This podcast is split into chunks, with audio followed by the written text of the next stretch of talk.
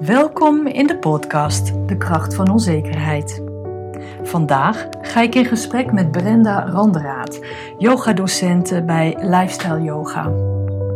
Brenda vertelt hoe yoga kan bijdragen om dichter bij jezelf te komen en je onzekerheid kan omzetten in kracht. Goedemiddag Brenda. Uh, ik heb Brenda uh, uitgenodigd omdat zij mijn docent yoga is. En uh, ik heb echt heel veel van Brenda geleerd. Alhoewel ik al 13 jaar, of volgens mij wel 15 jaar al yoga deed. Maar de laatste vijf jaar, volgens mij, toen heb ik jou ontdekt op een sportschool. Ja. Je bent later voor jezelf begonnen. Ja. En, uh, en vooral wat ik heerlijk vond aan jouw yoga is jouw, uh, de combinatie van nuchterheid, hele precieze uh, begeleiding en vervolgens ook jouw spiritualiteit. Dus die combinatie, lekker aards en ook spiritueel. En je hielp mij heel erg tot dichter bij mezelf te komen, want ik mocht voelen in alle veiligheid. En, um, en dat kwam door de yin yoga. Dus uh, bij deze, ik wil alles nu van jou weten. Dankjewel. en misschien kun je zo een beetje gaan vertellen over waar sta je nu, maar ook wat is je loopbaan geweest? Um, beginnend bij mijn loopbaan, ik ben begonnen in de zorg. Ik heb, um, ben zorg geschoold. Ik heb een tijd in de gezinsverzorging gewerkt. Dat vond ik heel leuk. Daar was ik eigenlijk te jong om daar al. Uh, ik was een van de weinige gediplomeerden, dus ik kwam bij de zware gezinnen, adressen terecht, waar ik al heel jonge mensen moest begeleiden naar de dood, zelfs op mijn eigen leeftijd. Jeetje, ja.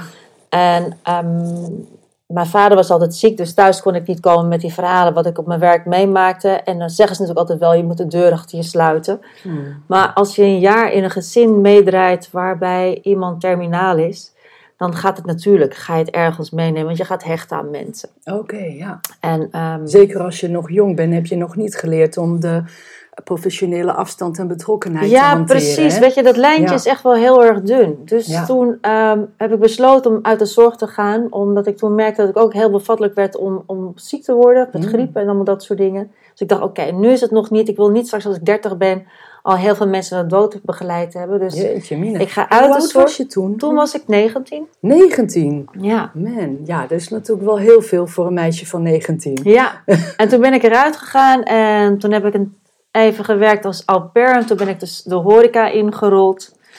En vanuit daar um, ben ik daarin blijven hangen. Toen dacht ik, oké, ik wil eigenlijk wel ik wist eigenlijk niet wat ik wilde. Ik wilde niet in de horeca blijven, maar ik wist ook even niet wat ik wel wilde. En toen heb ik mijn partner, toenmalige partner ontmoet. En die zei van, nou, ik wil heel graag samenwerken. En toen zijn we een restaurant gestart. Mooi. Met een bijzondere naam, hè? Ja, dat was, eerst was het oh, Meijers, onze okay. achternaam. Een getrouwde achternaam. Ja. En uh, daar hebben we elf jaar in Weesp gezeten. Het was een eetcafé. En ik kwam helemaal niet uit de horeca. En voor het eerst had ik in één keer een eigen zaak en ik moest me daar presenteren en doen. En mijn, oh ja. mijn partner, mijn toenmalige partner, stond in de keuken en ik moest het in mijn eentje voor gaan runnen. En mhm. over onzekerheid gesproken. Nou, daar kwam ik natuurlijk een bak van onzekerheid op mezelf tegen. Ja. Maar daar moest ik me staan in houden, want ja. ik moest het runnen en draaiende houden. En uh, er werd van alles van me verwacht. Ja. Ja, en daarna nog een ander restaurant uh, gestart in, in Woerden, restaurant Jansen. En dat is inderdaad... Mooie naam, hè? Ja, ja, ja, ja, ja echt het heel was voorspellend eigenlijk, hè, voor hoe het verder zou gaan, hè? En toen was ik al bezig, dat ik dacht van oké, okay, toen was ik al in aanraking gekomen met yoga, omdat ja. ik zoveel van mezelf vroeg en op de toppen van mijn tenen liep. Ik deed eigenlijk mm. continu iets wat ik niet vond dat het bij me paste, de horeca. Mm ik vond het moeilijk om mezelf te presenteren. Ik vond dus was, yoga, was yogica je reddingsboei of zo in die tijd? Dat je dat ja, ging absoluut. opzoeken om beter te functioneren in, uh, in de horeca? ik was eigenlijk een hele. Ik, was een, een, een, een um, ik vond het moeilijk om mezelf te presenteren, om, om te vertrouwen het feit dat ik oké okay was als gastvrouw. Oh ja. En ik merkte dat mijn ademhaling altijd heel hoog was, dus dat kostte me heel veel energie. Ja. Toch ook wel. En iedereen zei, het gaat je van nature af, maar niemand ziet het gevecht wat je hebt van binnen. Dat is interessant, want uh, wat je zegt, hè, dat is dat beeld van buiten. Ja. Want ik weet ooit, voordat ik überhaupt wist dat jij yogadocent uh, was, was ik een keer bij Jan Zen gaan eten. Ja. En later realiseerde ik me, oh, die vrouw heb ik meegemaakt. Je hebt waarschijnlijk ons bediend zelfs. Ja. Echt met zoveel flair, want je bent echt een gastvrouw. Of Ja. Je, je kan dat echt. Ja, Alleen dat. dat. gevecht van binnen, hè? Dat, dat is toch gevecht zo van binnen, ja. Ja, En, eh, dus dat, maar omdat je het verbloemt Ja. en omdat je het niet wil laten zien naar buiten toe, kost het je nog meer energie. Hmm. Ja. En dan ben je continu in gevecht. In, en dan merk je gewoon dat het je heel veel energie gaat kosten. ja. Dus de- toen ben ik op een gegeven moment gaan verdiepen. Toen had ik een heel mooi interview gelezen van Lisbeth List. Hmm. En waarin zij zo beschreef over plankenkoorts, dacht ik, oh zie je wel, het kan wel. Mensen die, die zo'n talent hebben om te zingen, die hebben dus blijkbaar ook moeite om op het podium op te staan. Om te gaan staan en te geloven dat iedereen daar komt om hun te horen of om hun te zien. Dus jij had ook plankenkoorts. En soorten met van, Ja, ja. het is eigenlijk plankenkoorts Ja. wat je had. Ja. Ja. En wat vertelde Lisbeth List? Dat eh, yoga haar heel erg hielp met het feit met haar ademhaling tot rust komen. Mm. En dat het een hele mooie voorbereiding voor haar was om het podium op te gaan. Toen dacht ik, oké, misschien moet ik me dan ook toch gaan verdiepen in yoga. Oké, dus dat was echt jouw, jouw bruggetje naar dat, yoga. Ja, dat was absoluut mijn brug. Ik vond het zo'n mooi interview. Toen dacht ik, oké, dat is Mm, interessant. dat Daar- dat, maar dan weet je nog niet welke vorm van yoga. nee. En dan heb je nog niet de plek gevonden waar je je veilig voelt, waar je je fijn voelt, waar je je thuis voelt.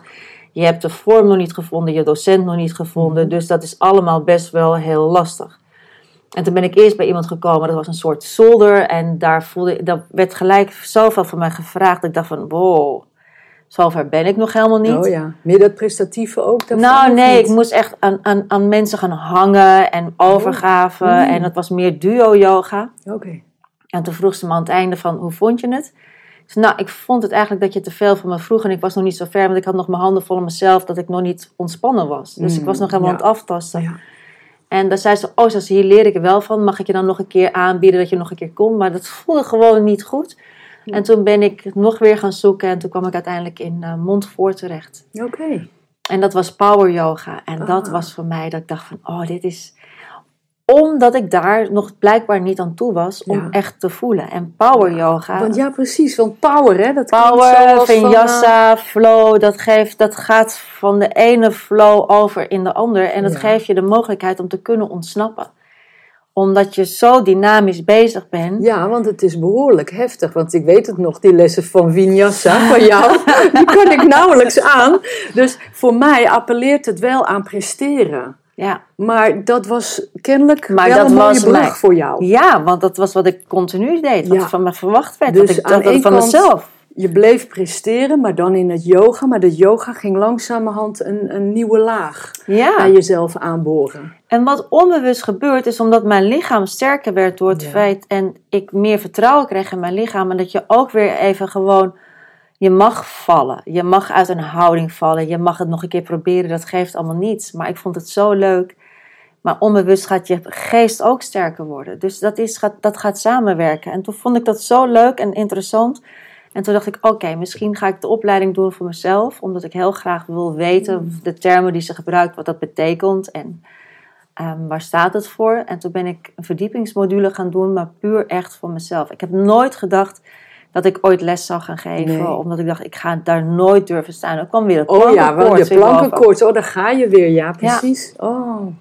Dus iedereen riep toen die opleiding had afgerond van, nou nu ga je toch gelijk wel les geven. En ik zei alleen maar, nee, want ik voel het nog niet. Oké. Ik voel nog niet. Ik voel Dus nog eigenlijk, je, je, je had je helemaal in de yoga ingewerkt. Ja, ingeleerd, ja, maar toch nog die plankenkoorts. ja, voor mezelf, puur voor mezelf. Wat heeft jou dan van die plankenkoorts afgeholpen? Of nou ja, afgeholpen, volgens mij hebben, houden we dat altijd een klein beetje als we er aanleg voor hebben. Ja, gelukkig wel. Maar hoe heb je daarmee gedeeld? Wat heeft je geholpen? Het grappige was dat op een gegeven moment mijn overbuurvrouw mij vroeg of ik er les wilde geven. Omdat zij eh, zei, oh Brenda, jouw bovenarmen zijn zo mooi gespierd. Ja. Ik wil het eigenlijk ook heel graag. Wil jij niet yoga komen geven? Ik, nou, dat Aan haar persoonlijk? Ja, bij haar thuis. Ze zegt, dan nodig ik wat mensen uit. En zegt, en dan Oh. doen we met een klein groepje, het gaan we Oh. yoga doen. Wat lief. Nou, dat vind tof. ik Ja, dus toen zijn we dat gaan doen. En eh, ik stap altijd overal blanco in. Dat, is, Ja. dat, dat hoort bij mij. Dat vind ik, ik hou denk ik op een of andere manier ook wel weer om een soort overrompeld te worden. Omdat ik misschien ook bang ben als ik me heel erg op voorbereid, dat ik dan de nervositeit en Ja. de onzekerheid gaat winnen. Ga je te veel nadenken. Mhm. En dan zet ik mezelf Ja. klem en vast. Dus toen zei ik, oké, dat gaan we doen, dat is goed. Dus ik liep met mijn mat onder mijn arm naar de overkant om eh, bij haar de yoga te geven. En toen kwam ik binnen. En toen zag ik allemaal vrouwen van het schoolplein van mijn dochter. Oh, en toen nee. dacht ik, oh nee. Oh nee. Niet anoniem dus. Oh, dit vind ik eigenlijk misschien wel heel erg eng en heel erg spannend. Ja. En iedereen was heel lief. En oh, wat leuk dat je dit wil gaan doen. En wat bijzonder. En toen gingen we zitten op onze mat. En toen moest ik gaan beginnen. En toen dacht ik echt, en mijn stem ging alle kanten op. En toen dacht ik, oh nee. Ik denk, oké. Nee, ik wil dit toch niet. Jawel, ik wil het wel heel graag. Als ik nu ga opstaan en ik ga vluchten van mijn angst en ik ga vluchten van mijn onzekerheid, dan blijf ik dat voor altijd doen. Dan gaat het maar dat mijn valkuil worden. Hun weten het niet, dus weet je, ik sluit mijn ogen en ik neem ze mee naar mijn wereld. En if it doesn't kill me, it only makes me stronger. Dus Bren, gewoon doen. Gewoon doen. Dit is je kans. Als je nu, nu kan je zien dat je sterker bent dan je angst. ja, dit was je interne dialoog. Dat was mijn interne Ja. dialoog. Ja, En, op dat moment is die knop omgegaan. Toen dacht ik, ik vind dit leuk. En ik vind dit leuk, dus ik mag dit doen. Oké, En vanuit daar is het gegroeid. ja.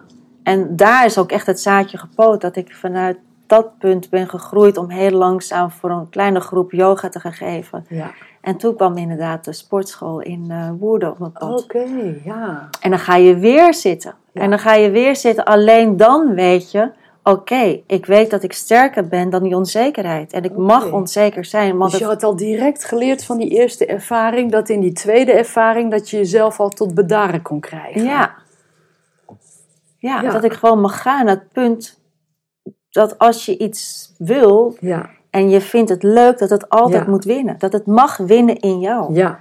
Dus je hebt jezelf toestemming gegeven, hoor ik. Ja, misschien wel ja. En misschien ook dat ene bange, dat iets wat bang in jou is, om die kleiner te maken door dat andere groter te maken. Dus niet door te onderdrukken, Ja, maar door dat andere echt podium te geven. Of dan wel, dit is wat ik wil. Dus het waardevolle in je leven, wat je graag zou willen doen, dat heb je eigenlijk groter gemaakt. ja maar ik dacht, anders ga ik mezelf gewoon Ja. kansen ontnemen door het feit dat, ik, Ja. dat mijn angst krachtig blijft. En het is natuurlijk ook iets waar gebaseerd, waar is angst op gebaseerd? Waar komt het vandaan? Soms weten we het ook niet waar het vandaan komt. En, en angst houdt je op je plek, hè? Het houdt je klein. Ja, Dus je moet iets vinden in jezelf dat groter mag worden dan die angst, om dat deel in jezelf gerust te stellen. ja, Dus niet onderdrukken, zo dat mag er niet zijn, want dat neigen we te doen als we niet weten hoe we met angst moeten ja, omgaan. zegt ja. Dus eh, de pokerface opzetten en gewoon gaan, maar oh, innerlijk gevecht.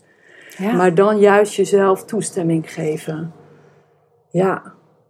Makkelijker eh, gezegd dan gedaan, En denk is, ik. hè? dat is het ook zo. Maar ik ben nog steeds de, Ja. de- dat moment zo ongelooflijk dankbaar dat ik niet van mijn mat ben opgestaan om, om te denken van oké, ik vind het eng en ik doe het dan toch maar niet. En ik vond jou zo goed als docent daar bij Sport City. Dus het was echt, hè, die sportschool, dat was hè, weer eng. Ja, En, hè, want daar word je ook nog voor betaald en mensen betalen voor je en alles. Hè? ja, en in één keer was het een grote zaal. En in één keer zat er echt gewoon een grote groep mensen om mij heen. Dus dat was best wel weer... En in één klap vond ik jou de beste docent notabene. Ja. En dan geloofde je er zelf al toen in. Maar het bijzonder was wel, toen ik daar was, had ik inmiddels al wel nog wat meer opleidingen afgerond. Dus dan Ja, werk je wel van, ik, ik, ik, ik weet en ik, het grappige is, nou niet misschien grappig, het bijzondere in mezelf is wel, ik weet dat ik kan afstemmen op mensen.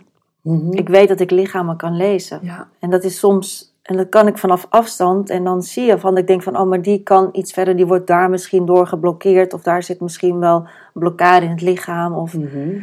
Wat, waar heb je dat geleerd, dat afstemmen met mensen? Ik denk dat ik altijd wel een natuurmens ben geweest. Een buitenmens Mm. ben geweest. Ik was als kind zijn al heel graag buiten op blote voeten. Ik loop nog steeds heel graag op blote voeten. Ja, ik, loop, ik zie je altijd met slippers op blote voeten. winter, het maakt Ja, niet uit. ja. Ik loop altijd op blote voeten. Ja. En, en, Wat, en wat levert het op voor jou? Wat, blote voeten. Ja, wat zoek je daarin? Of wat vind je daarin? Ben altijd als kind zijn een hele grote dromer geweest. Dus ik denk dat ik het nodig heb om echt me, me Oh, ja. eh, aan, aan, aan de aarde te houden. Mijn voeten echt in de ja. klei te hebben. Oh ja, wauw. En dus zo heb je jezelf aangeleerd om letterlijk met blote voeten te lopen. Ja. Zodat je alles blijft voelen onder je voetzolen. Wat grappig is, ik denk ook echt als kind zijnde heb je altijd een, een, een, een passie of een droom of wat je heel erg leuk vindt of heel erg fijn vindt. En ergens zijn we het vergeten, want er wordt heel veel ook bij ons eruit gehaald de basisschoolperiode. Dan moeten we in vakjes gaan leven en dat soort dingen. Waarbij eigenlijk het authentieke kind heel veel uit ons wordt weggehaald. En dat is zonde. Ja, Je zou een kind veel meer vanuit vrijheid moeten eh, leren en laten ontwikkelen. Ik denk dat we dan veel meer creatieve breinen Ja. krijgen, geniale breinen krijgen, omdat ze dan in hun kracht blijven, mensen in hun kracht blijven. dat de potentie ook gewoon daar blijft. Of Ja. tenminste hè, ook eh, echt benut wordt, blijft. Dus dan kom je ook bij het punt, denk ik, als ik als kind zijn, dan kijk dat ik altijd al als heel klein, als eenjarige, altijd al graag op blote voeten liep. Mhm. En dat nog steeds heb. Dus dat is iets ehm, wat je dan ook koestert in jezelf. Ja. En we later denk ik van, oh weet je, dat heeft misschien wel gepast dat ik ergens onbewust wel wist, misschien wel dat ik iets zag doen wat dat op blote voeten is. Ja, ja Hoe apart dat ook klinkt. Ja, ja, ja. En ik denk ook echt als coach ben ik daar ook altijd op zoek naar als ik mensen begeleid. Om te gaan kijken wat ze als kind eh, van nature al deden om zichzelf eh, nou ja, kracht te geven. Hè? Ja. Zoals bijvoorbeeld op een natuurlijke wijze blote voeten. Dus teruggaan naar die herinnering. En heel vaak hebben we die herinnering niet meer paraat. Is het gewoon verwrongen, verdrongen of, of Ja. hè, gewoon even weg. Maar het is er nog wel, dat weten. En eh, door ook wat meer lichaamsgericht te werken, kom je juist tot die oude herinneringen, waardoor mensen weer terug kunnen grijpen naar hun oude manier van doen. Eigenlijk hun authentieke ik weer laten functioneren. Ja, En dat is heel vaak heel simpel. Net eh, zoals op blote voeten lopen. ja, dat is, ik denk ook, ehm, het is mooi als je weer terug kan gaan naar die, naar die, naar die authentieke ik. En, en dat zeg ik, die is er heel veel, is die eruit geslepen door de huidige maatschappij waarin we leven. En ik hoop eigenlijk ook na deze jaar van bezinning, waarin we weer een soort teruggeworpen zijn naar onszelf, dat mensen ook echt wel eens over nadenken over het gejachtige leven wat we hebben. Van oké, maar wat wil ik dan misschien wel eigenlijk heel graag? En wat, wat, wat, wat past bij mij? In plaats van dat ik gedaan heb wat anderen van mij Ja. willen, wat anderen van mij verwachten. En dat is ook mijn valkuil geweest. Ook ik heb gedaan wat anderen van mij verwachten. Ja, dat heb je heel lang gedaan.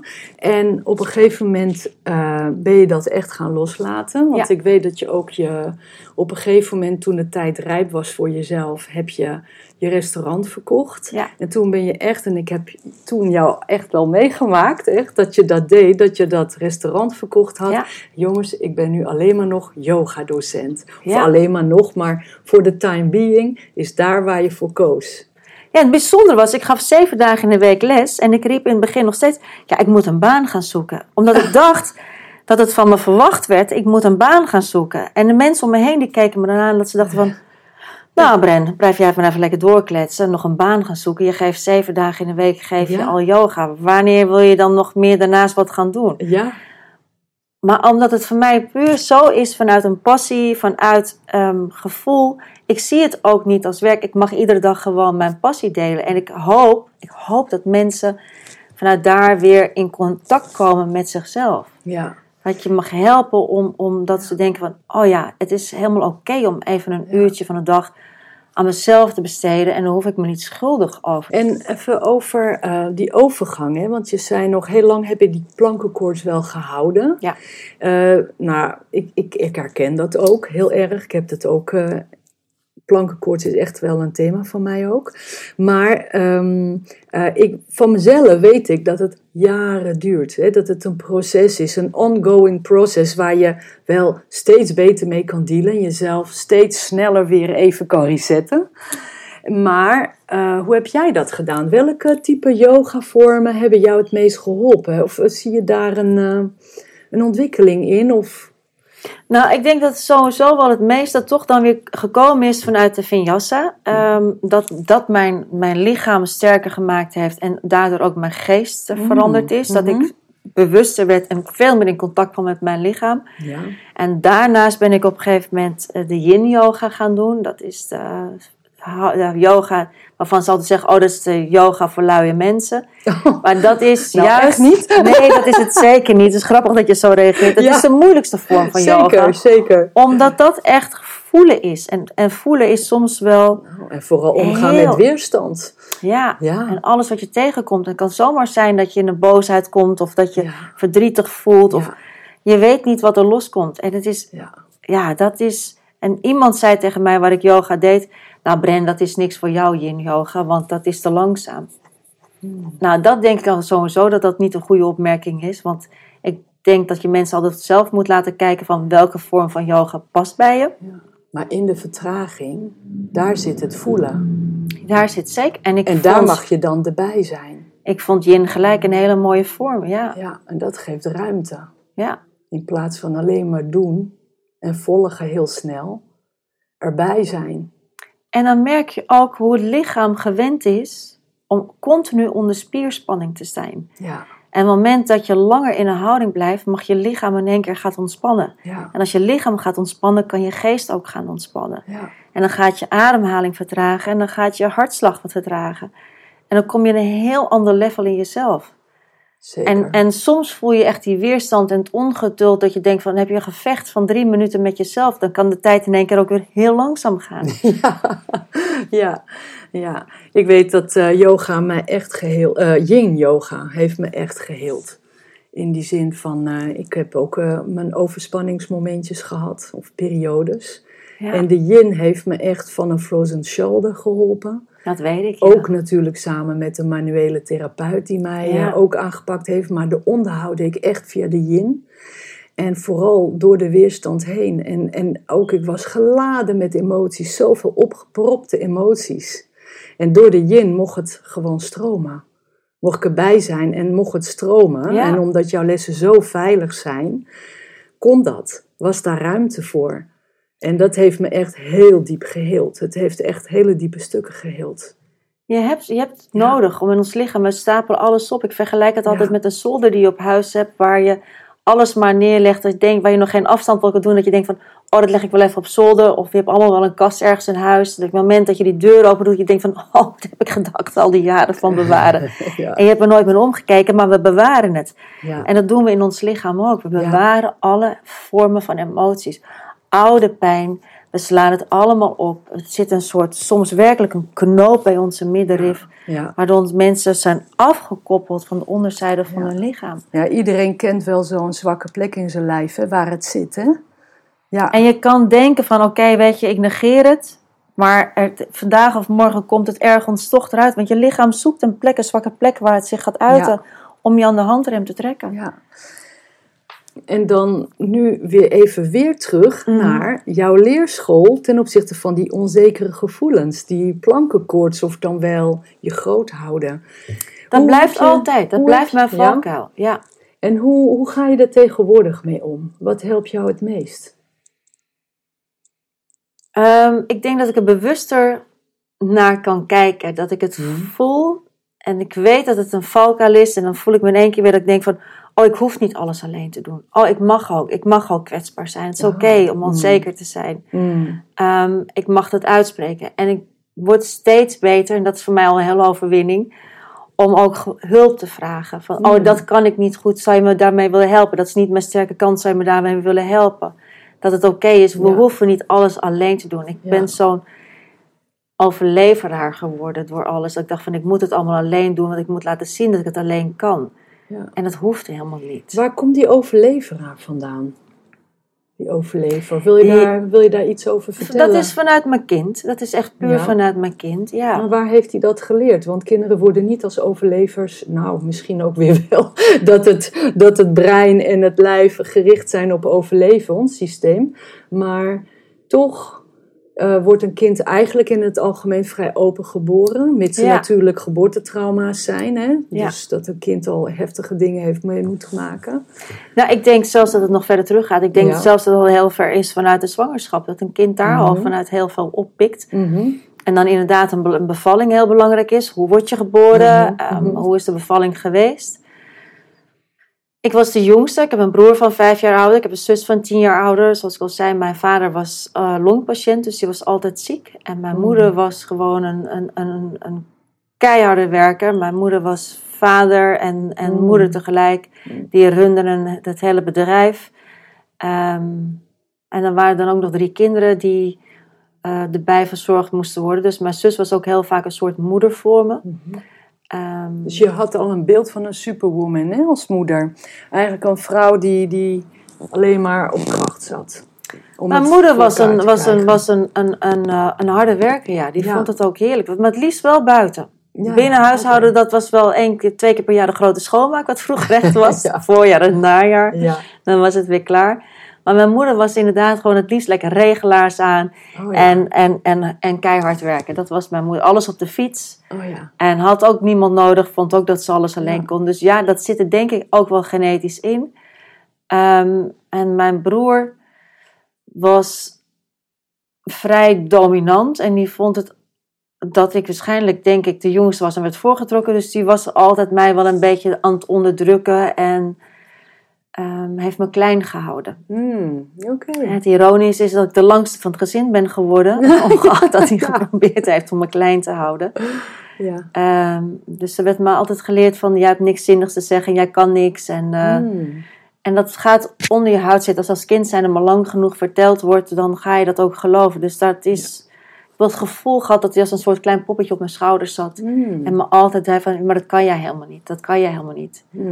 En daar moet je van ontdoen, want dat is niet meer zo. Ja, hij, hij, ja, jij bent de regisseur van je leven nu. Jij zit achter Ja, het roer. en ik geloof nog steeds dat je Ja. geen slachtoffer moet zijn van je jeugd. Ja, Maar dat je het moet gebruiken als voeding en als kracht. ja En- vertel eens daar meer over. Dat je geen slachtoffer moet zijn van je jeugd. Nou, dat je het moet gebruiken als voeding. gebruiken als voeding. Ik, Want er zijn mensen die hele heftige dingen meemaken. Mogelijk jij ook, of eh, ik ook. Maar ik denk dat, ik niet... van, eh, nou, nou, ik weet niet of het zo een voeding is voor mijn leven. Eh, dus hoe zie jij dat? Ik denk niet dat we vanuit komen vanuit een ge- huishouden gezin wat heel, wat heel makkelijk was. Ehm, maar daardoor ben ik dus inderdaad het wel gaan gebruiken. Voor mij is voelen heel belangrijk. Dat was, er werd bij ons thuis niet gemakkelijk gepraat Mm. over emoties en over gevoelens. En Daar dat was geen ruimte voor. Niet veel ruimte Nee, was daarvoor. nee, daar werd hard gewerkt. Er werd gewoon Ja. hard gewerkt. Ja. En als er dan iemand mocht klagen, dan was mijn vader het. En mijn vader deed het Oh, dan ook naar hartelust, omdat hij heel veel medicijnen slikte. En, Oh ja. Dus het stond ook altijd in teken van mijn vader. Oh ja, oké. Best wel belangrijk. Ja, maar ja, dat. En. ehm,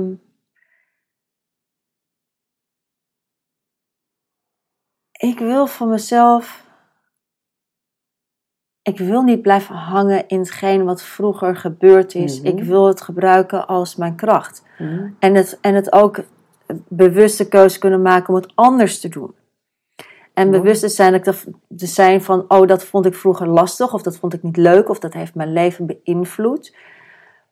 En daar heb ik een, een strijd voor moeten doen om dat te turnen. Dat wil ik nu gewoon graag anders doen, omdat ik het voor mijn dochter anders wil doen. Mm. Ik wil een cirkel doorbreken. We houden het vaak ook in stand. Ja. En dat wil ik niet. Heel bewust heb ik ervoor gekozen om het niet te doen. Toen ik wegging bij mijn eh, toenmalige partner, heb ik ook echt gelijk al de tweejarige opleiding gedaan, professionele communicatie en persoonlijke ontwikkeling. Mhm. Omdat ik la- ui laag voor laag wilde afpellen van die ui. Ja. Waar sta ik? Wat Ja. doe ik? Wat hou ik? Wat hou ik zelf in stand? Ja. En waar ben dat. ik onbewust toch ingestapt weer, zodat ik weer in het patroon zit van vroeger? Ja. Ja. Mooi.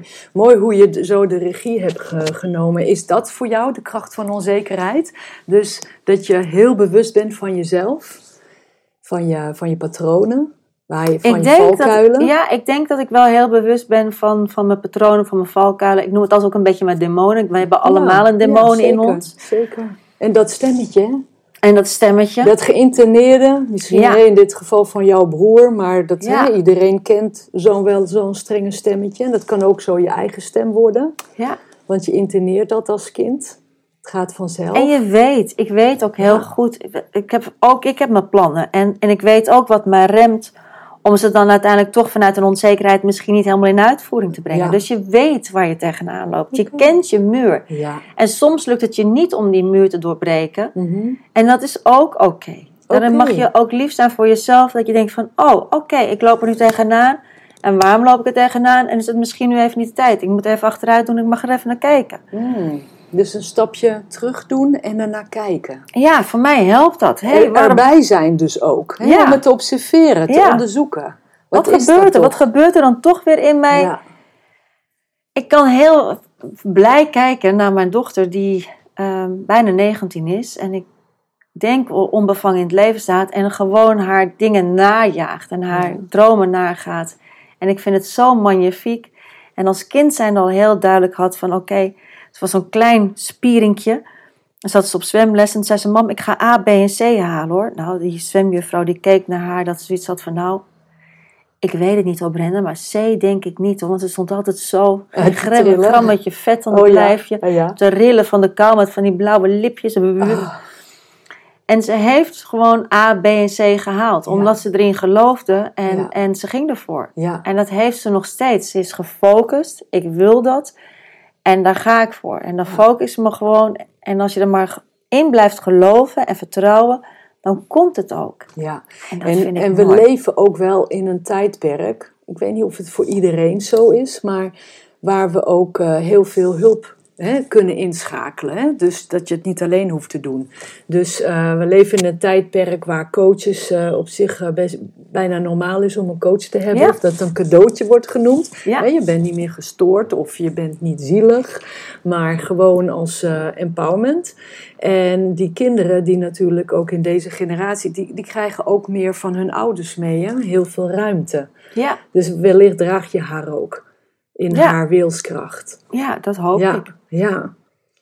Dat is, eh, En ook zij moet er onzekerheden hebben. Ze hebben ook recht op de Ik onzekerheid. wou net zeggen, misschien moeten we Ik- haar ook even erbij nemen in de interview over Ja. haar, haar onzekerheden. Want ik denk dat elke jongere iemand dat gewoon automatisch wel heeft. Hey, maar ik denk dat het ook gezond Dat- is. We hebben ja. het nodig. We hebben het nodig Ja. om ook die vormen van podiumvrees te hebben, onzekerheden te hebben. Wat is nou volgens jou de functie van onzekerheid? We hebben het nodig, zeg je. Ja, het maakt je, het maakt je alert. Het maakt dat je eh, gefocust bent. En het verlegt ook grenzen. Mm, ja. Als je het op de juiste wijze, als je er bang voor bent Mhm. en je gaat het niet aan, dan ga je verschuilen achter je angst en dan wordt angst wordt groter en groter en groter. Dus de angst die gecreëerd wordt vanuit je brein. ja. Onzekerheid kan ook maken dat je beter wil gaan verdiepen, beter wil gaan voorbereiden. Onzekerheid komt natuurlijk ook vandaan bij het feit dat je misschien nog niet van overtuigd bent dat je iets voldoende beheerst. Mhm. En dat mag je gaan geloven. En naarmate dat je het doet, zal je merken dat onzekerheid steeds meer vervlakt door het feit dat je lichaam en je geest het gaat herkennen. Dus ook dat wordt weer een veilig bad. En dan hebben we weer nodig, denk ik, om die onzekerheid op te zoeken, om onszelf uit te blijven dagen. Ik denk dat Er zit ook onzekerheid een uitdaging dus in, hè? ja, dat denk ik. Ja. Ik denk dat we allemaal altijd weer een moment Ja. moeten gaan opzoeken van dat je weer onzeker bent. Dat je, dat je eh, weer wil gaan verdiepen. Dat je Iets grenzen... nieuws. Iets nieuws. Net zoals een podcast beginnen. Precies. Of jij een nieuwe opleiding? Ja. Want je gaat ook weer een nieuwe opleiding doen ja, hè? ja, leefstijl, holistische leefstijlcoach. Oké, prachtig. Voor mezelf die cirkel. fase. Ja, en maar ook voor mezelf een cirkel rondmaken. Ik heb natuurlijk ook de hormoontrainer gedaan. Mhm. En om dat nog meer in een mooie cirkel te maken met yoga, en hormonen en leefstijl, dat je mensen kan helpen en ondersteunen om Ja. ehm, misschien beter weer in hun vel te zitten en een betere levensstijl. En dat hoeft niet moeilijk te zijn. Nee. Ook dat wordt vaak gedacht vanuit het groot. Dat mensen, maar dat doe je in kleine stapjes. Met kleine stapjes. Iedere dag een klein stapje Ja. om iets te veranderen in jezelf. Ja. Net als met yoga. Iedere dag Ja. even, misschien, al is het maar vijf minuten, al is het maar tien minuten, iets doen om in jezelf iets sterker te maken of iets bewuster te maken, om te mogen voelen. En met vallen en opstaan en daar ook om mogen lachen met zelfspot, hè? Ja, Gewoon een glimlach naar jezelf. Ach, ja, het ging niet in één keer goed. Laten we eens nog een keer proberen. En dat we een, een Ja. stukje liever voor onszelf zijn. Ja. ja. Nou, dankjewel Brenda voor dit eh mooi gesprek. We hebben het gehad vandaag over eh, podiumvrees, denk ik ook. Hè? Ja. En jezelf groter of sterker Ja. houden dan dat je je voelt van binnen. Ja, En hoe je dat kan, eh, ja, hoe je daar doorheen kan groeien. of dat kan transformeren in jezelf door een innerlijke dialoog. Maar ook vooral het groter maken hè, van, van wat je werkelijk zou willen. En die kracht daar uitputten. Zodat die angst ons niet op onze kleine plekje houdt. Nee, en, dat is, en, en, en een verbinding te durven maken met jouw lichaam. Je lichaam is uiteindelijk het huis waarin je woont. Je doet het, je hebt het te doen met jouw lichaam. Hartstikke bedankt. Beste luisteraar, heb je last van belemmerende onzekerheid en wil je leren hoe je die kan veranderen in zelfvertrouwen? Neem dan contact met mij op via coachingsbureau bloeiing.nl